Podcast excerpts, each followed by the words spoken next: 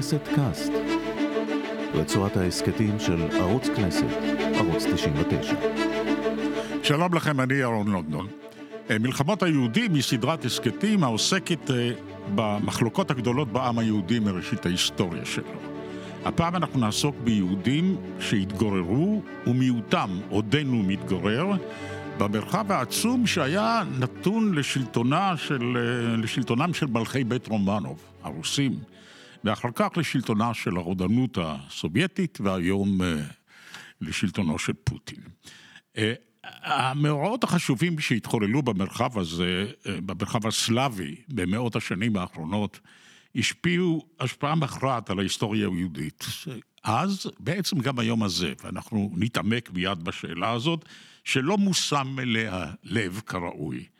כאשר אלפי יהודים מאוקראינה, מבלרוסיה ומרוסיה מגיעים לכאן, אז כמובן שיש לזה השפעה על התרבות, ואינני מדבר כבר על הנהירה של היהודים דוברי הרוסית בשנות ה-80 ואחר כך ה-90, קרוב למיליון אנשים, שמהם פחות מעשרה, עשרה אחוז ירדו, אבל הם השפיעו על התרבות הישראלית. אנחנו משוחחים עם דוקטור אלכסנדר ולדמן, הוא חוקר במכון לחקר התפוצות באוניברסיטת תל אביב, ראש התמחות בהיסטוריה במכון שבילים של מכללת K בבאר שבע. הוא עוסק בעיקר בהיסטוריה החברתית והתרבותית של יהודי מזרח אירופה בעת החדשה. בסדר? לגמרי. כראוי. אז עיקר השיחה שלנו תסוב על הסיבות, על הנסיבות ועל הרעיונות שגרמו ליהודים להתערות ברוסיה, או לאבד את זיקתם ליהודית לעיתים קרובות, ליהודיות, או לגבש את היהודים כעם בתוך תשבץ העמים של רוסיה, של ברית המועצות, או להגר. להגר מערבה, לקנדה, לארצות הברית, לאנגליה, או לישראל.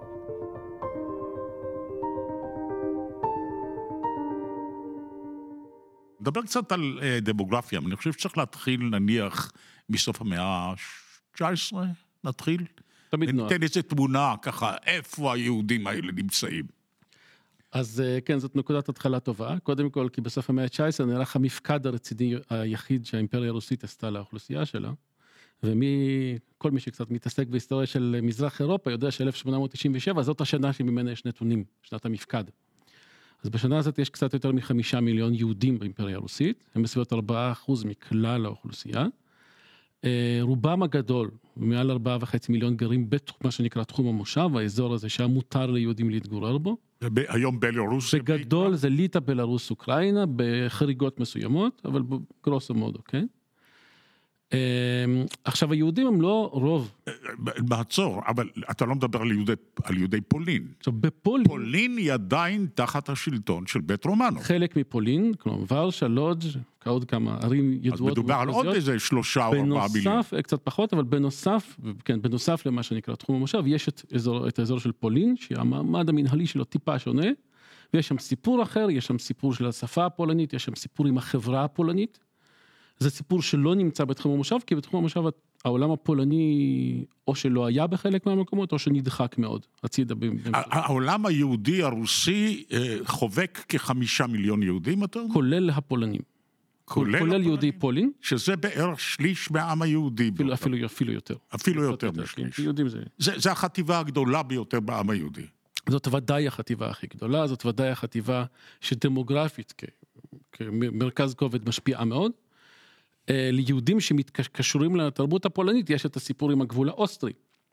כלומר יהודי שלמשל שפת התרבות שלו היא פולנית, אז יש לו את ורשה ויש לו גם את לביב, כלומר שנמצאת בתוך האימפריה האוסטרית ושם זה סיפורים קצת אחרים.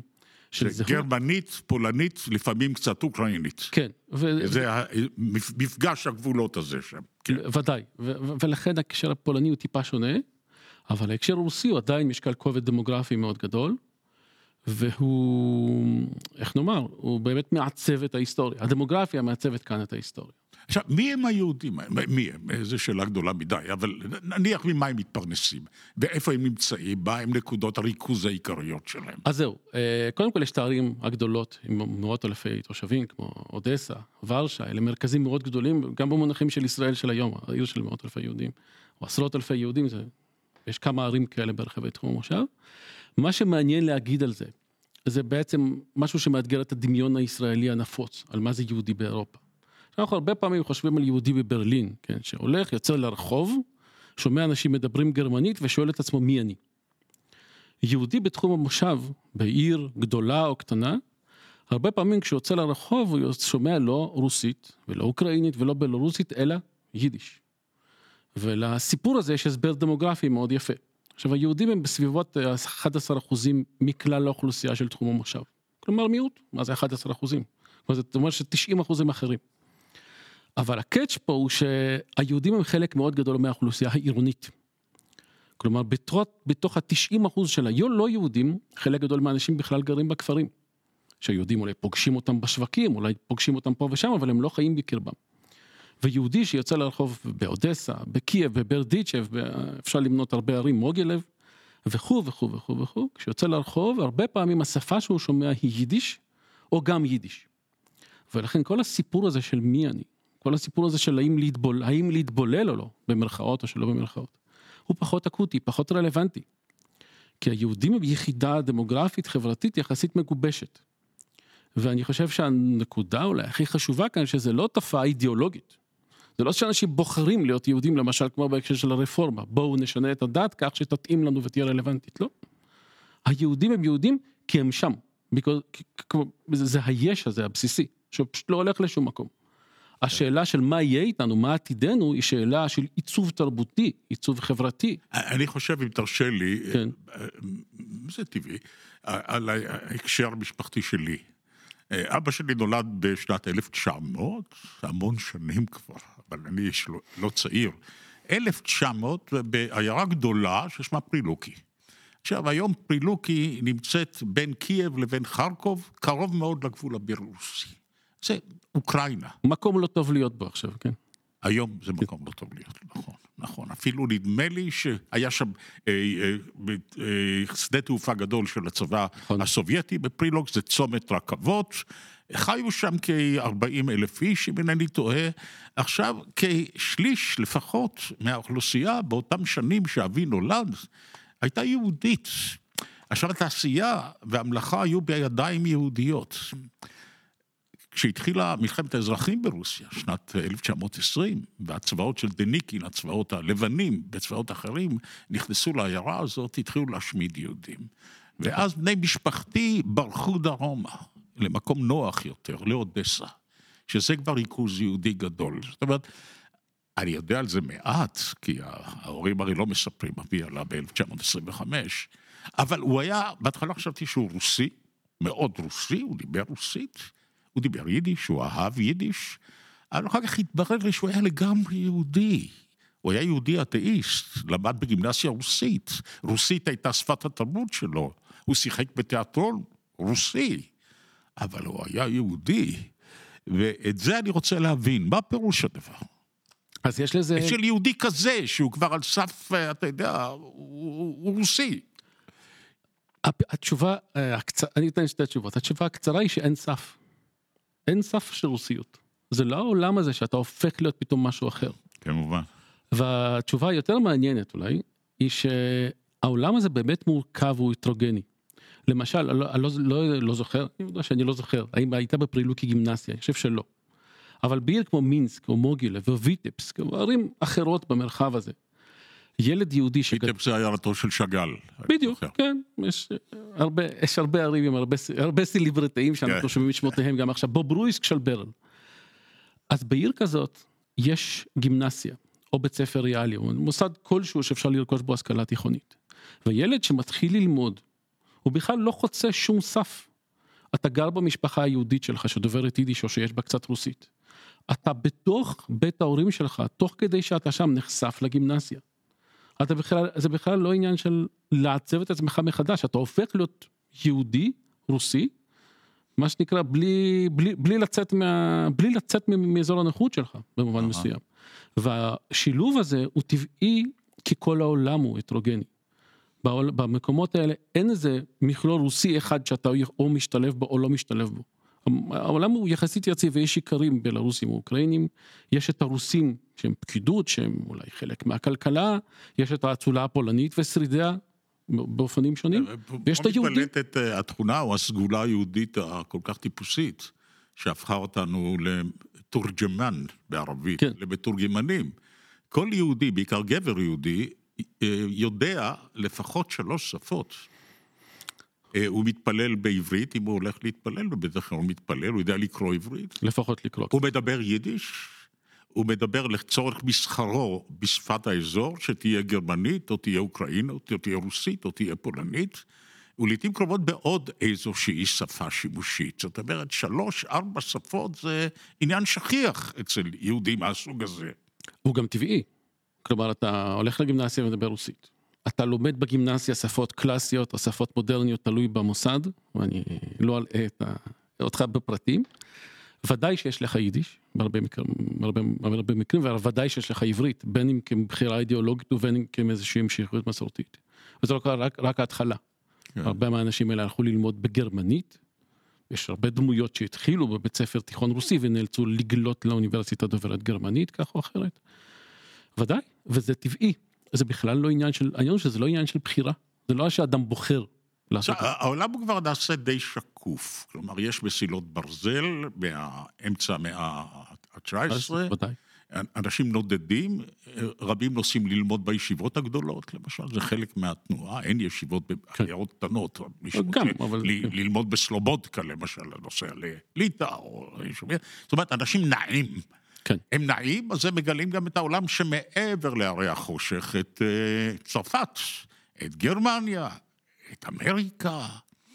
אז מה עם מערכת היחסים, או אפילו המנטלית, או הדמיונית, בין היהודים האלה בעיירות, לבין היהודים שם, שיש להם כבר אמנציפציה, זכויות אזרח, בצרפת כבר יהודי הוא כמעט בן אדם, חוץ מדרייפוס כמובן, כן. ואז יש משברים, אבל יהודי הוא בן אדם ככל... איך הם חושבים עליהם? זאת שאלה נהדרת, משום שיש פה איזושהי ציפייה שלנו למצוא משהו אחד, וכשמסתכלים קצת פנימה רואים משהו אחר. הציפייה שלפעמים אפילו משתקפת במחקר היא שהמזרח רוצה להידמות למערב. נכון. יש את האמנציפציה האידיאלית, או כמעט אידיאלית במערב, יהודים טוב להם במערב, כי יש להם שוויון זכויות, יש להם יכולת להתקדם חברתית ותרבותית, וטוב, המערב, כן, המערב רגיל לחשוב על עצמו במושגים כאלה, במידה רבה בצדק.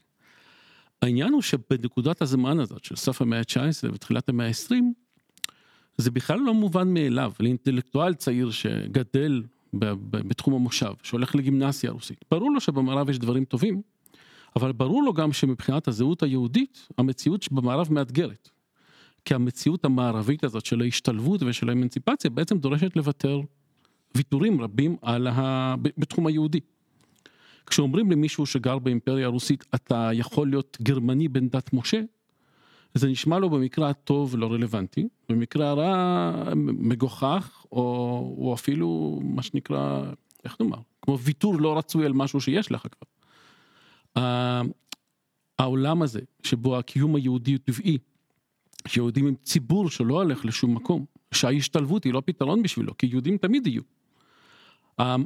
על, על הרקע העולם הזה שקיים במזרח אירופה, המחשבה שאתה יכול פשוט כן, להמיר את הזהות הקבוצתית שלך במין זהות אמורפית כללית, נראית לא רלוונטית. עכשיו, מילא שזה לא רלוונטי, זה גם בעצם נוגד את האידיאולוגיות שמתגבשות במזרח אירופה על הרקע הזה. התפיסות הלאומיות, תפיסות היהודים כלאום, יושבות בעצם על המציאות המזרח אירופית. המציאות באימפריה הרוסית, באימפריות, כן, במקומות הסמוכים לאימפריה הרוסית, המציאות היא שיש קבוצות שונות שחיות תחת שלטון אימפריאלי אחד, ובכל קבוצה כזאת יש דינמיקה של התעוררות לאומית. והיהודים הם חלק מזה. אה. היהודים הרבה פעמים חושבים על עצמם מראש כבר כציבור, ומתוך זה קל מאוד לדמיין את היהודים כציבור שיש לו זכויות פוליטיות. כלומר הלאומיות היהודית מתעוררת לא כאיזו בחירה אידיאולוגית אמורפית, מתוך נגיד חוסר מוצא לאור האכזבה ממשפט, מה, מהמציאות סביב משפט דרייפוס, אלא מתוך הבנה שהנה אנחנו ציבור, יש פה מאות עיירות שיש בהן מאות אלפי יהודים, הם לא הולכים לשום מקום. הם לא הולכים להיות רוסים, ודאי שהם לא הולכים להיות בלרוסים, אוקראינים או כל אופציה אחרת שאפשר לעלות על הדעת. אז צריך לדאוג להם, מה אני כאינטלקטואל צעיר עושה? וקודם כל אני מגבש תפיסה פוליטית שממסגרת את הדאגה לאנשים האלה. ומכאן צומחת הלאומיות. זה זווית שאני מודה שלא כל כך חשבתי עליה. במסגרת אביב העמים, אז מתעוררים האיטלקים ואומרים, אנחנו איטלקים. האוקראינים, פתאום מנצה הלאומיות האוקראינית, אנחנו לא רוסים.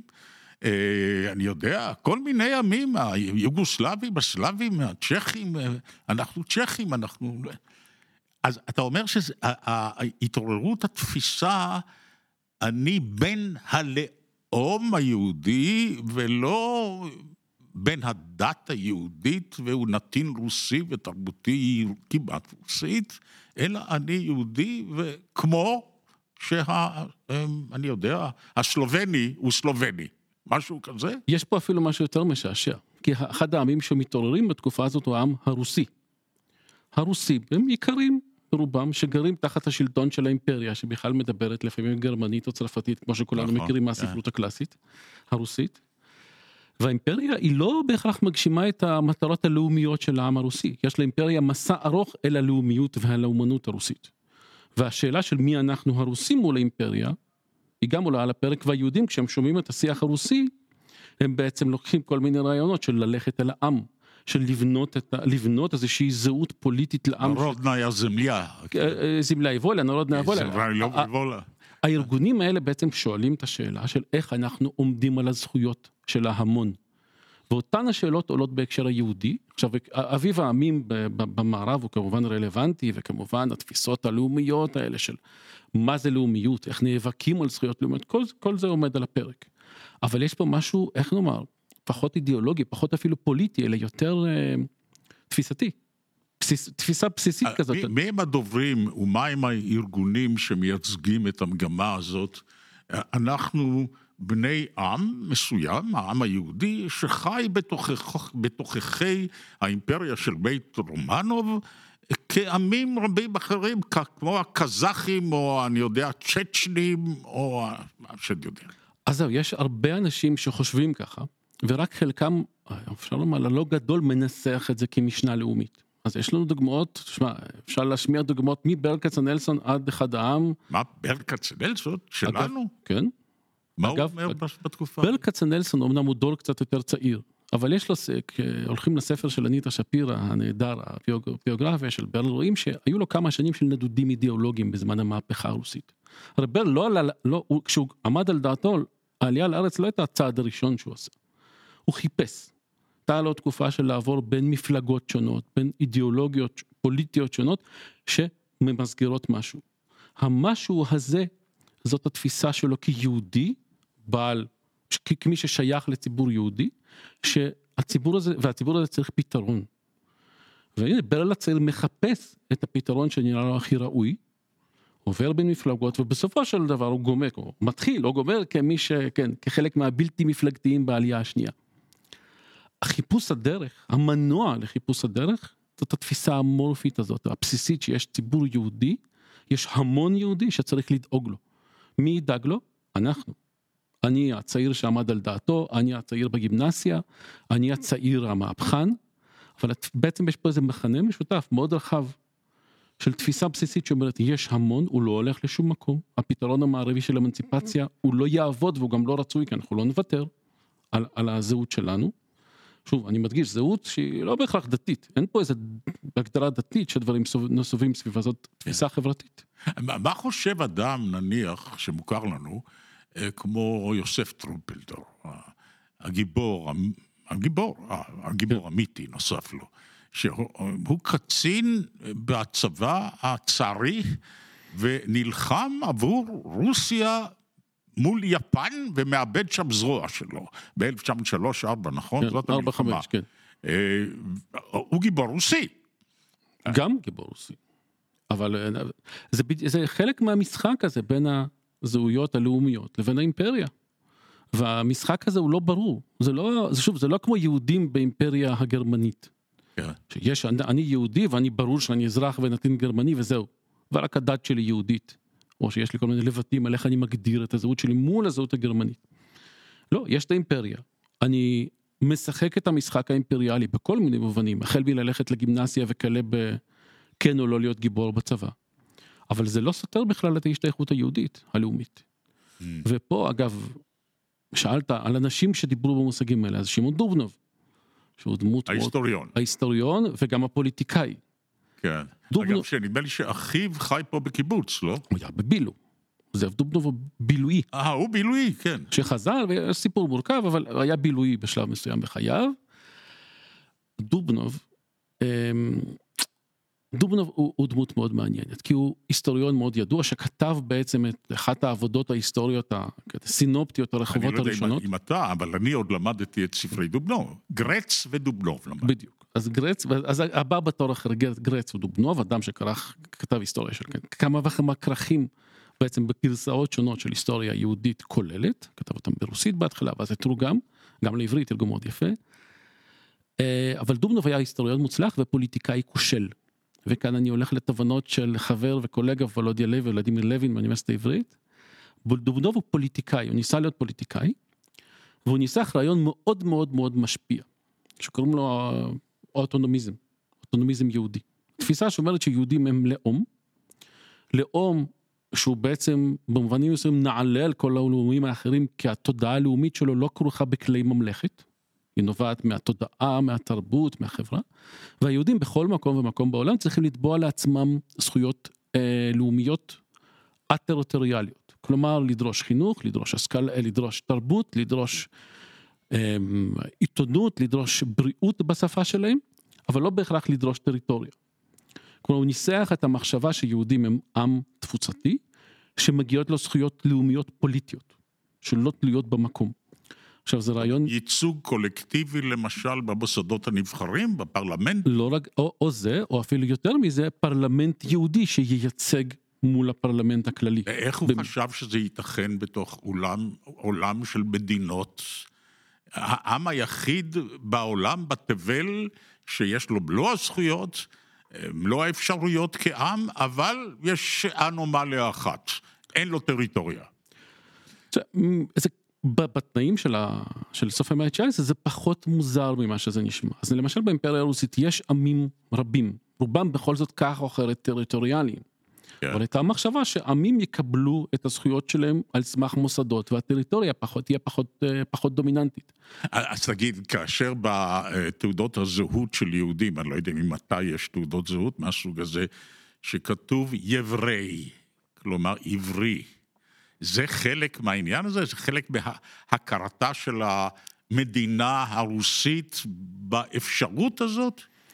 אתה בן הלאום היהודי, ואולי גם מגיעות לך זכויות ככזה, אבל בעיקר חסרונות ככזה. עכשיו, ההגדרה הקשיחה, יבריי, המאחידה, המרוכזת, זה כבר סיפור סובייטי. זה נכון שגם למדינה הרוסית האימפריאלית היו הגדרות והיו תעודות ואנשים היו רשומים כיהודים, אבל בגלל שהמדינה שם הייתה קורפורטיבית וכולה מחולקת לגורמים ולקבוצות שונות, היה לזה פחות עניין של להסדיר את כולם באופן אחיד. כלומר, היה שם, היה, שם, היה שם עניין חברתי יותר מורכב. יבריי כסטטוס מאוד מובחן, חד משמעי, שמבדיל אותך מכולם במובן מסוים, הוא בעצם אפשר לומר במידה רבה של צדק שהוא קשור יותר לברית המועצות. אה. אבל אני רוצה להגיד למה דובנוב הוא פוליטיקאי כושל. כן. הוא ניסה להקים מפלגה שהיא על טהרת האוטונומיזם. מפלגה שדוגלת בזה שצריך לעבוד ולהילחם בעד הזכויות הלאומיות בגולה, בפרט ברוסיה. מפלגה שדיברה שלוש שפות, יידיש, עברית ורוסית, מתוך ההבנה שהנה אלה שלוש השפות הרלוונטיות לענייננו ולא נוותר על אף אחת מהן, עמדה מעניינת. העניין הוא שדובנוב אף פעם לא הצליח כפוליטיקאי, אבל לא משום שהרעיון שלו לא היה טוב, אלא משום שהרעיון שלו היה מצוין. וכל המפלגות, מהבונד הסוציאליסטי הרדיקלי ועד הציונים, אימצו את התפיסה הזאת. יש לנו חזון פוליטי, סוציאליסטי, ציוני, לא משנה מה, אבל אנחנו קודם כל נאבקים על זכויות יהוד, היהודים בגולה, זכויות לאומיות בגולה. וזה פשוט הפך להיות, איך נאמר, קרקע משותפת לכולם. בין איזה שנים, מהו טווח השנים שבהם התפיסה האוטונומיסטית אה, התפשטה עד למידות משמעותיות, נאמר, בציבור? אז זה העשורים הראשונים של, של המאה ה-20. עכשיו ברוסיה העצמאית אחרי המהפכת 1917 היו שתי מהפכות. כן, אחת פברואר. שהפילה את הצאר כן. ו-1917 השנייה זה הבולש- המהפכה הבולשיביקית. בתקופה הקצרה הזאת בין שתי מהפכות הייתה התעוררות ציבורית מאוד יפה מאוד משמעותית של כל העמים באימפריה הרוסית כולל היהודים. היה דיבור על פדרציה רוסית שתחליף את האימפריה והדיבור על זכויות לאומיות ושאלות של איך זכויות לאומיות של עמים שונים שמסתדרים ויכולות להסתדר אחת מהשנייה. אחת היוזמות המשמעותיות בהקשר היהודי הייתה כינוס קונגרס יהודי כלל רוסי שהיה אמור להיות מעין פרלמנט. פרלמנט שיש לו בחירות לפי רשימות פוליטיות ציונים בונדיסטים וכו' וכו' וכו'. לפרלמנט הזה היו אמורות להיות סמכויות על האוטונומיה היהודית המתהווה. אה. עכשיו הבחירות נערכו בחלקן הגדול הפרלמנט לא התכנס בגלל הבולשיביקים שעלו לשלטון. אבל בעצם זו הייתה אולי שעת הזהב. מה, מה חשבו, נגיד, המנהיגות שהייתה לה, היה לה משקל גדול עד השואה, המנהיגות הדתית-חרדית, איך הם ראו את הרעיון הזה? אז תראה, מבחינה, אגב, גם דו- דובנוב, בעצם יש לו, הוא משקיע לא מעט אנרגיה בלדבר על ההגדרות האלה. הוא אומר, אנחנו לא קהילה דתית. ומבחינת האורתודוקסיה הכבדה, אני מניח שזה לא רלוונטי. כי יש להם את הגדרות היהדות שלהם. אבל צריך לומר שהבונטון והדומיננטיות הפוליט, הפוליטית הגדולה הייתה בכל זאת לתפיסות האלה, האוטונומיסטיות, לגווניהן. ונגיד בבחירות האלה לקונגרס מנצחים הציונים.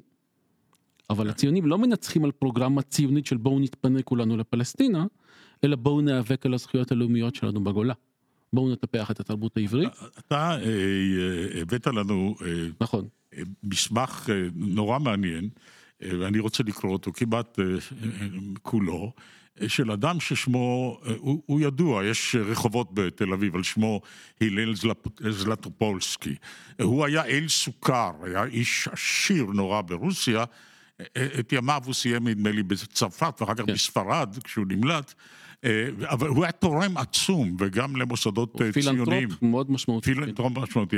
עכשיו, אתה הבאת לנו כמה מסמכים, אתה, אה, שהוא שולח למערכת העם, אני חושב שזה... עיתון שהוא השתתף במימון שלו ויצא במוסקבה בעברית בזמן המהפכה. אה, ב- אז איזה מהפכה? של 17? זה אחרי פברואר 17. כן. אחרי ש... אז זה- איפה איפה הוא גר אז? אז לא... עכשיו הוא מסתובב, יש הרבה אנשים שמתרכזים באותה תקופה במוסקבה בגלל המלחמה ובגלל כל מיני מצוקות בחזית, גירושים, מוסקבה היא עיר שלא נמצאת בחזית.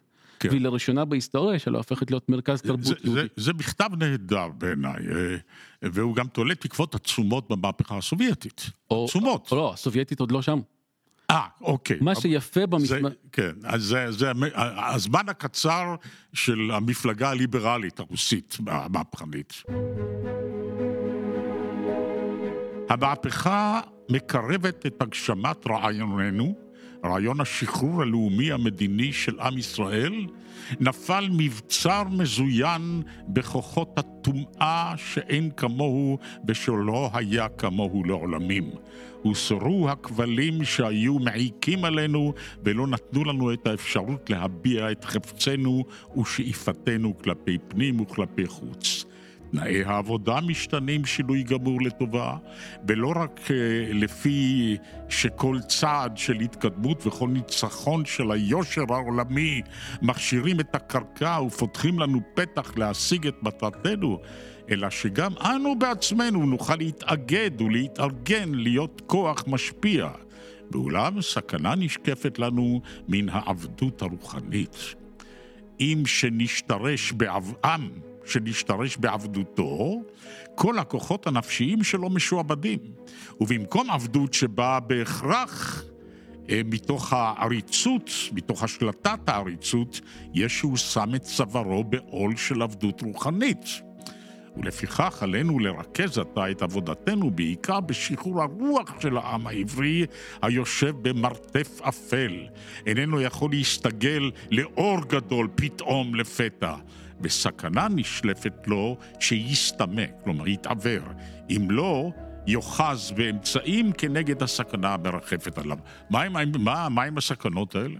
עם משוחרר, סוף סוף אפשר להתבטא, ומה? מה הסכנה? זה ממשיך את השאלה שלנו לגבי המערב. הסכנה היא בעצם, באופן פרדוקסלי, האמנציפציה.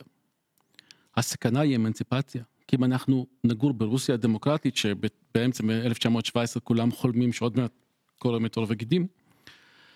ברוסיה הדמוקרטית אנחנו עלולים לקבל את הזכויות האישיות שלנו ולשכוח את הזכויות הלאומיות. אה. כלומר אנחנו נהיה עבדים, הרי הוא מזכיר פה את המושג עבדות וזה מושג של אחד העם. אחד העם מדבר על יהודי המערב כמי ששבויים בידי החירויות שלהם, כעבדים לחירותם. מכאן הוא רצה להקים בארץ ישראל מרכז רוחני, שלא יהיה מרכז מדיני, אלא מפה יופץ האור הגדול של היהדות וישמר אותה גם בגולה. אכן, אבל השורשים של התפיסה הזאת היא מזרח אירופית, הם מזרח אירופים, כן. מעטים בינינו, הישראלים, היהודים, מדברים על הדברים האלה שאנחנו מדברים עכשיו. כי אנחנו תופסים את ההיסטוריה בצורה קצת חד-ממדית. אז מדברים על ההגירה לארה"ב, שמתחילה ב-1880 בערך, ועד עד 1915, נדמה לי שניים וחצי מיליון יהודים בעצם מהגרים מערבה. כן. כן, אני יודע, 20 שנה, 30 שנה, מהגרים מערבה עד שהאמריקאים אומרים מספיק ומתחילים לסגור את הגבולות. אבל זאת ההגירה העצומה, גם לארגנטינה, גם לקנדה, גם לארה"ב, גם לבריטניה, גם לצרפת, מיליוני יהודים. טפטוף זעיר מגיע, 50 אלף, 60 אלף מגיעים לארץ ישראל, זהו. אחרים מסתבכים אולי לכוחות הנאורים של רוסיה הסובייטית המתעוררת, יהודים הופכים לקומוניסטים. יש הסעיף הבונדיסטי, שזה להישאר יהודי בתוך עולם קומוניסטי, את זה מחסלים מהר מאוד, תוך כמה עשרות שנים כל העניין הזה נגמר, ואחרים בעצם שמחכים למפץ ההיסטוריה, לא עושים כלום, יושבים בעיירות, ממשיכים ללכת לבתי הכנסת, אל תעשו כלום, תחכו למשיח. זאת התמונה שאנחנו מקבלים. את התמונה שאתה ציירת לנו, אני חושב שמקבלים מעט מאוד, אנחנו לא מדברים עליה, על האפשרויות האלה. שגם הם נידונו ב... אצל היהודים. תגיד, אבל בוא, בוא נדלג הרבה קדימה. Uh, ההיסטוריה היא מצחיקה, או אירונית, וב-1900, uh, בהתחלה, 1970, יש סדק קטן במסך הברזל, מגיעים הנה כ-150, 170 אלף יהודים, כן. בעיקר מארצות הבלטיות, בעיקר מי שהיו ציונים מאז ומקדם, ואחר כך, אחרי 20 שנה, בום, מגיעים מיליון יהודים, אפילו קצת יותר, מיליון. אה, ו, ו, וישראל עושה פה דבר שאני רוצה לדון איתך עליו. היא בעצם לא מאפשרת ליהודים להגר לאן שהם רוצים. ישראל אומרת, אנחנו עשינו את המאמץ העיקרי לפרוץ את מסך הברזל עבורכם, וכשהוא נפרץ, אה, תבואו הנה. לא, היהודים לא רוצים לבוא הנה, או רובם לא רוצים לבוא הנה, רוצים לאמריקה. אנחנו לא נאפשר לכם להגיע לאמריקה, אנחנו נכרות הסכמים עם הג'וינט, עם ממשלת ארצות הברית, אתם תבואו לווינה, ומווינה אתם תבואו לישראל. אם לא תרצו להישאר פה אחר כך, אנחנו לא נעשה לכם שום דבר, אבל ראשית כל, תבואו לישראל. מבחינה מוסרית, איך אתה שופט את זה? או מה היו ההשקפות בקרב האינטליגנציה היהודית הרוסית, הסובייטית, כלפי המהלך הזה? אמ, טוב, אני יכול לענות על חלק מהשאלה הזאת. קודם כל, התשובה הכי טובה... זה לא תחום המחקר כן, המובן שלך. כן, זה שאלת העלייה וה, וה, וה, והנשירה, מה שנקרא, העזיבה לארה"ב. כן, זה לא ליבת המחקר שלי, אבל כן, יש לי מה להגיד על זה. קודם כל, התשובה, ההתחלה הכי טובה של תשובה על השאלה הזאת, היא שהמצב קצת יותר מורכב. זה נכון שישראל נאבקת על העלייה, זה נכון שישראל מעוניינת בעלייה באופן חד משמעי, אולי בניגוד למה שאנחנו שומעים עכשיו. אבל אמ, יש לה יכולת, א', יש לה יכולת מוגבלת להשפיע, וב', יש שני צדדים למשוואה הזאת. יש את הממשל האמריקאי ויש את יהדות אמריקה שמשחקים עם שאלת העלייה, ולא בכל נקודת זמן הפונקציה שבוחרת לאן יבואו יהודי ברית המועצות היא רק ממשלת ישראל. אז בשנות ה-70 יש ויכוח מוסרי עמוק כן, בין ממשלת רבין ואז ממשלת בגין לגבי הנשירה, לגבי מה עושים עם היהודים שבוחרים בווינה ללכת לא שמאלה אלא ימינה ולעבור לארצות הברית. אבל אה, בשנות ה-80 אה, משתנה משהו מאוד יסודי בעולם והוא סיום המלחמה הקרה. כל עוד המלחמה הקרה קיימת. הממשל האמריקאי מגדיר את יהודי ברית המועצות כפליטים. ויש לזה השלכה מאוד משמעותית לגבי הקליטה שלהם בארצות הברית מבחינה כלכלית ומבחינת היכולת שלהם להתאזרח. ברגע שמלחמת ה... אה, המלחמה הקרה אה, נשחקת והולכת ונעלמת בזמן גורבצ'וב, היחסים מתחממים, אין כבר עמידה, עמידה של שתי מעצמות אחת, זו מול, זו- אחת מול השנייה, והשערים של ברית המועצות הולכים להיפתח. הרלוונטיות של הגדרת היהודים כ-refugees, כ- כ-refugees, כפליטים, הולכת ויורדת. והפניית הזרם הגדול של העולים, של היוצאים מברית המועצות לישראל, קשורה גם להקשר הזה. כלומר, מ-1989, כשמתקבלת ההחלטה האמריקאית לשנות את הסטטוס של העולים, של היוצאים מברית המועצות, מפליטים ללא פליטים, זה קשור ללחץ הישראלי כמובן, הישראלים יש להם אינטרס ומפעילים את כל מיני אפיקי השפעה, כמו שהם יודעים בארצות הברית, כדי לדחוף את ההחלטה לשם, אבל ההקשר הוא בכל זאת יותר רחב. הצורך להוציא המון כסף על לקלוט את היהודים האלה, וגם הצורך של המשטר, הממשל האמריקאי להצדיק קליטה של מאות אלפי אנשים שהם לא באמת פליטים. הרי יש פליטים בעולם שרוצים להגיע לאמריקה. והמצב בשנות התשעים הוא לא שהשערים בארצות הברית נסגרים, אלא שפשוט הם הופכים להיות נורמה, אה, רגילים. כלומר, תבוא, תעשה green card ותתאזרח אם אתה רוצה. אבל זה לא המסלול הירוק הפתוח הזה של אתה כפליט. כן. עכשיו, לכן בעצם השאלה המוסרית פה יותר רחבה, של מי הוא פליט. למי האמריקאים צריכים לפתוח את המכסות ההולכות ומצטמצמות שלהם. האם למישהו מהאיטי או ממישהו מברית המועצות? זאת שאלה טובה. כי אנשים בברית המועצות, המצוקה שלהם היא מאוד מסוימת, אבל כשאין את המשטר, זה פחות מוצדק. אמ, אז המצב הוא כזה שמתוך אה, יותר אה, מביליון שהגיעו אז, אה, עשירית חזרו לברית המועצות, כ-40 אחוז, והיתר התפזרו מווינה ועד אה, קנדה. אה, אה, ומה נשאר בתוך המרחב הסלאבי הזה? איזה יהודים? אז זה מעניין, כי בעצם החיים היהודים שם ממשיכים. בשנות ה-90, בשנות ה-2000, יש רבנים יהודים, ראשי קהילות רבנים, שולחים אפילו מישראל. אז בעצם יש שתי תנועות הפוכות, אפשר לומר. מצד אחד חוזרת הדת, מה שבברית המועצות היה מאוד מאוד תחת, כן. תחת המכבש, כן, כמו שכתב מרדכי אלטשולר, תחת המכבש הסובייטי, הדת כמעט, כמעט ולא קיימת. הדת חב"ד, כל התנועות האלה פתאום צומחות ועולות ומשפיעות. מצד שני, היש החברתי הזה שאנחנו רואים כל הזמן, מסוף המאה, מהמאה ה-19 ולתוך המאה ה-20, גם תחת ברית המועצות, היש החברתי נשחק. הכמות של היהודים שאתה רואה ברחובות הולכת ונעלמת.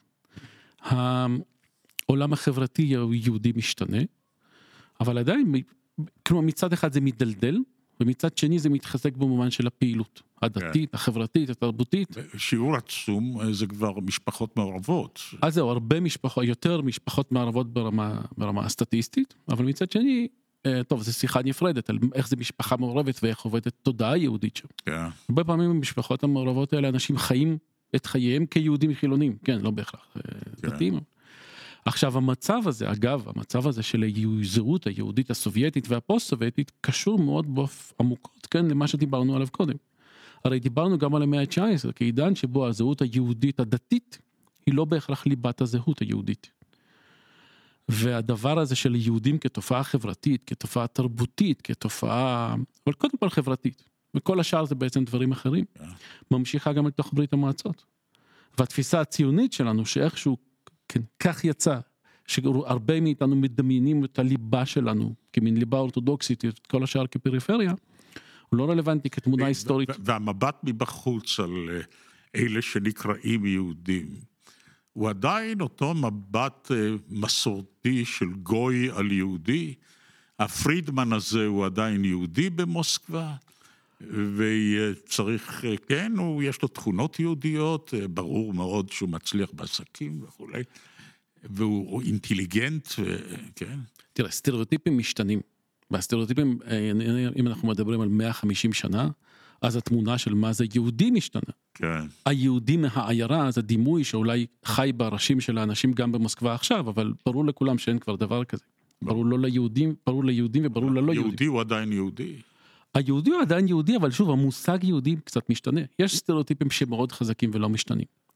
אבל רמת האנטישמיות למשל, היא פחות, היא פחות, היא, האנטישמיות ברוסיה כרגע, אה, היא כל הזמן קיימת, כן, היא לא נעלמת לשום מקום, אבל היא לא חלק מהשיח הפוליטי למשל. תסתכל על המלחמה באוקראינה.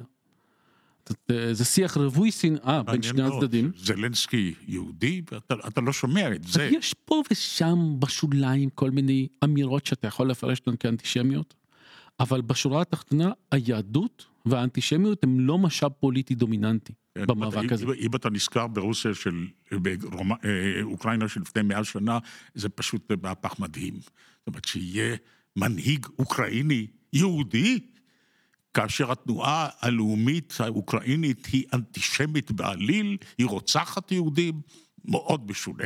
אבל אני צריך כאן לעזוב את ה... לסיים את השיחה שלנו. אני, אני מאוד מודה לך על השיחה המעניינת הזאת, ולדעתי גם יוצאת דופן, כי לא מרבים לדבר על הנושאים האלה. תודה רבה לך. שמחתי מאוד, תודה רבה. תודה רבה. כנסת קאסט, רצועת ההסכתים של ערוץ כנסת, ערוץ 99.